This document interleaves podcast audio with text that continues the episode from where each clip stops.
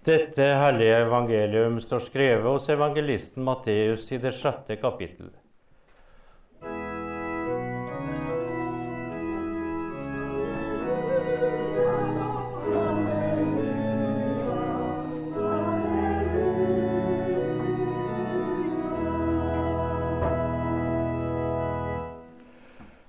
Dere ber, skal dere ikke ramse opp ord slik som hedninger gjør. De tror de blir bønnhørt ved å bruke mange ord. Vær ikke lik dem, for dere har en far som vet hva dere trenger, før dere ber han om det. Slik skal dere da be. Vår Far i himmelen, la navnet ditt helliges. La riket ditt komme. La viljen din skje på jorden slik som i himmelen. Gi oss i dag vårt daglige brød og tilgi oss for skyld, slik også vi tilgir våre skyldnere.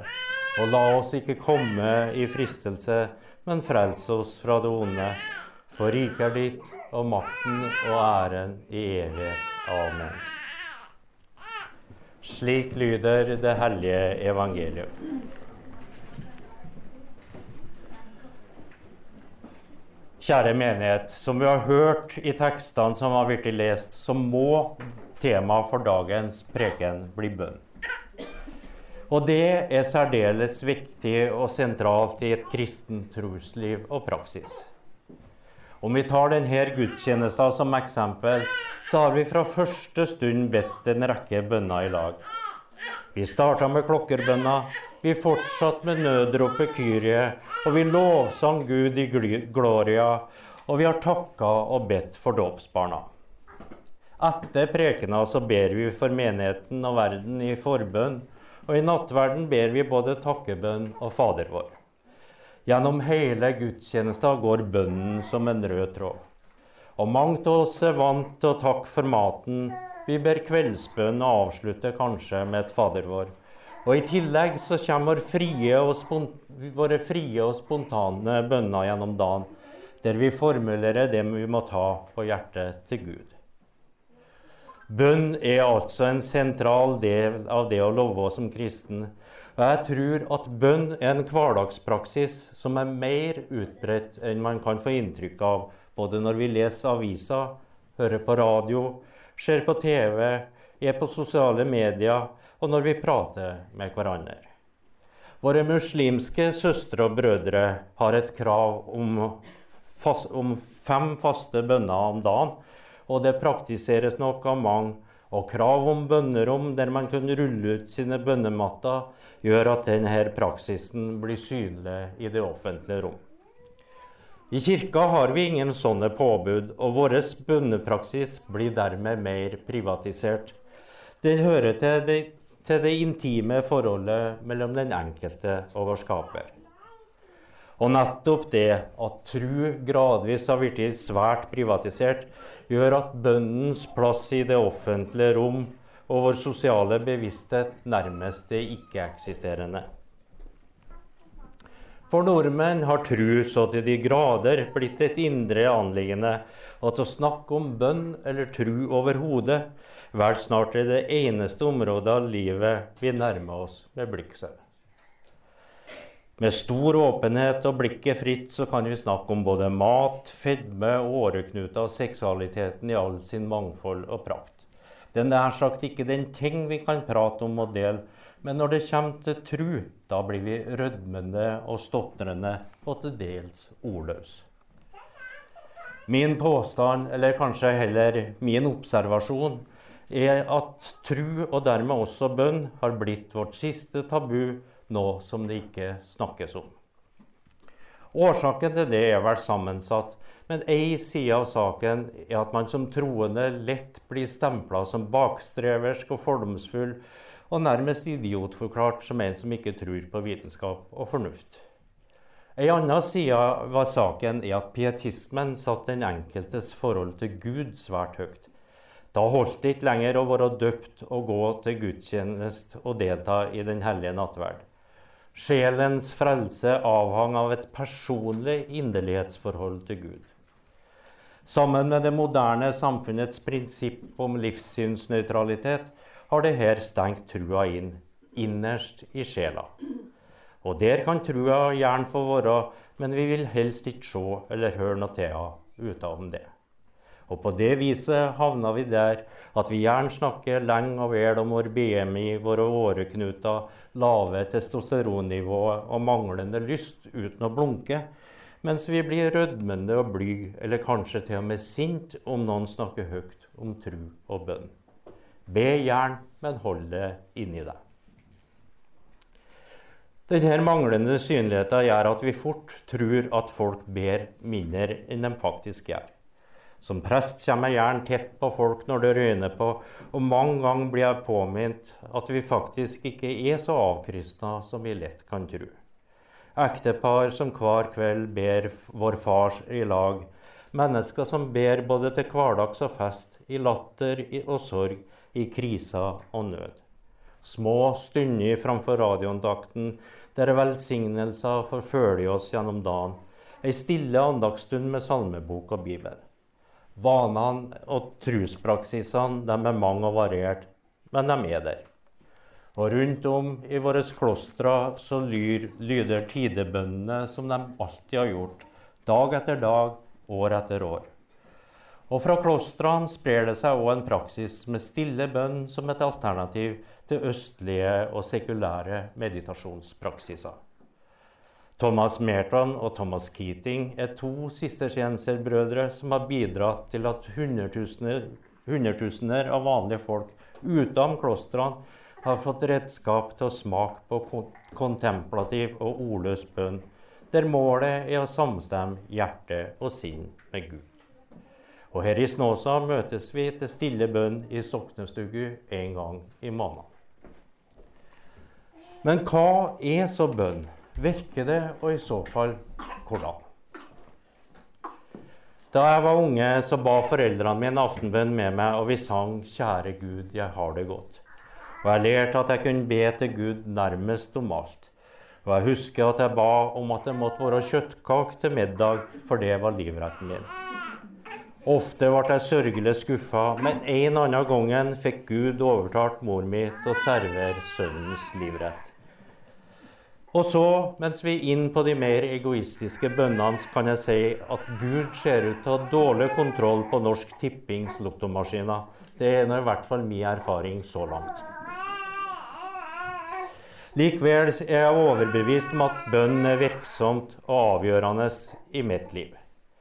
Legger vi bort den litt barnslige tanken om at bønn er en måte å manipulere Gud til å gjøre som, så jeg får det som jeg vil, så er bønn avgjort virksomt. Jeg sier ikke at Gud ikke lar seg påvirke, men jeg tror bønnens viktigste virkemåte eller funksjon er å holde vårt forhold til Skaperen lovende. Den som ber jevnlig, vil ikke falle i fristelser eller den grøfta som handler om å glemme Gud.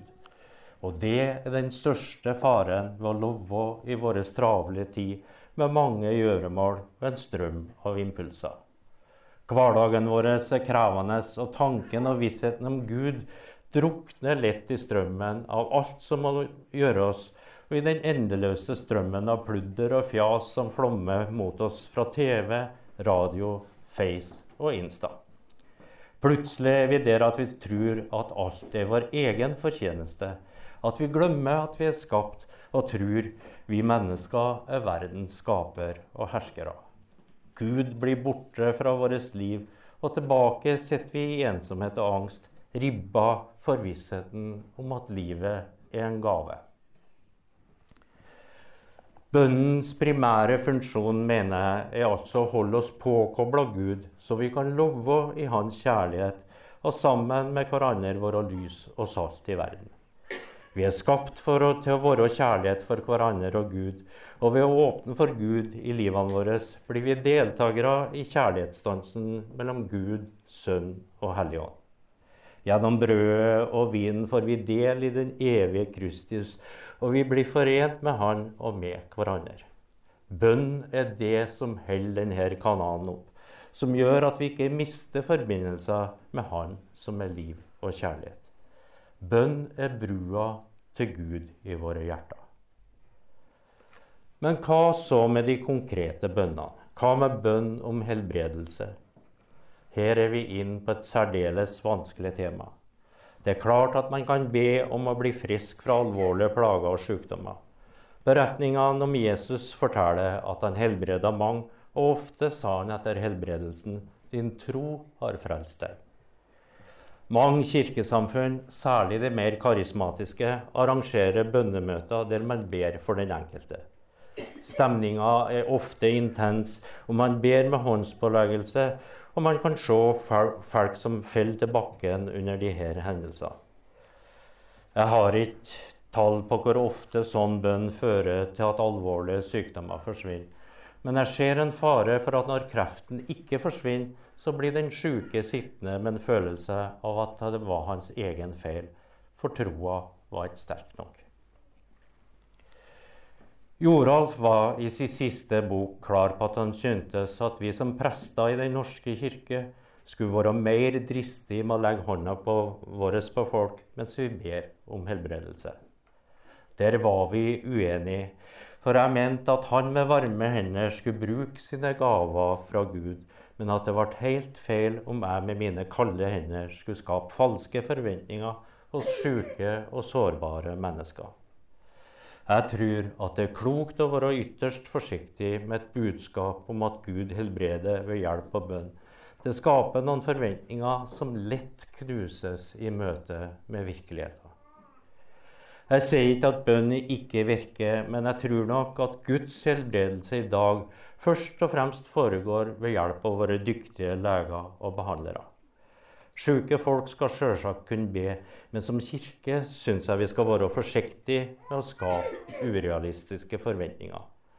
Vi risikerer at den syke står fullstendig ribba tilbake, uten sjøltillit fordi trua var for lita, og til og med uten tru fordi Gud ikke tok byrden bort. Livet som kristen er ikke nødvendigvis et liv i materiell overflod uten sykdom og lidelse. Jesus sjøl har delt våre kår, og han gikk den tunge veien mot kors og pine. Og han vet hva angst og lidelse er. Han tar den ikke ifra oss, men han går i lag med oss, også i dødsskyggens dal. La oss holde livslinja til Gud vår Fader åpen, og la oss lære av kong Salmo, som ba ikke om et langt liv eller rikdom eller død over sine fiender, men om evne til å høre hva som er rett. Og la oss sammen med Paulus be. Må Han som er så rik på herlighet, gi deres indre menneske kraft og styrke ved sin ånd. Må Kristus ved troen bo i deres hjerter, og dere stå rotfestet og grunnfestet i kjærligheten må dere sammen med alle de hellige bli i stand til å fatte bredden og lengden, høyden og dybden, ja, kjenne Kristi kjærlighet som overgår all kunnskap. Må dere bli fylt av hele Guds fylde. Han som virker i oss med sin kraft og kan gjøre uendelig mye mer enn det vi ber om, forstår om. Ham være ære i Kirken og i Kristus Jesus gjennom alle slekter og evigheter. Ære være Faderen og Sønnen og Den hellige ånd, som var, er og forblir én sann Gud fra evighet til evighet. Amen. Jupmele datnem boresjogonotei datnem varjele. Jupmele itse ordeine dutjen tjoka i datnem armode. Jupmele itse ordeiam do gorkojarkoe i dutnjem refjem vata. Herren velsigne deg og bevare deg. Herren la sitt ansikt lyse over deg og være deg nådig. Herren løfte sitt åsyn på deg og gi deg fred. Vi lovsynger vår Herre.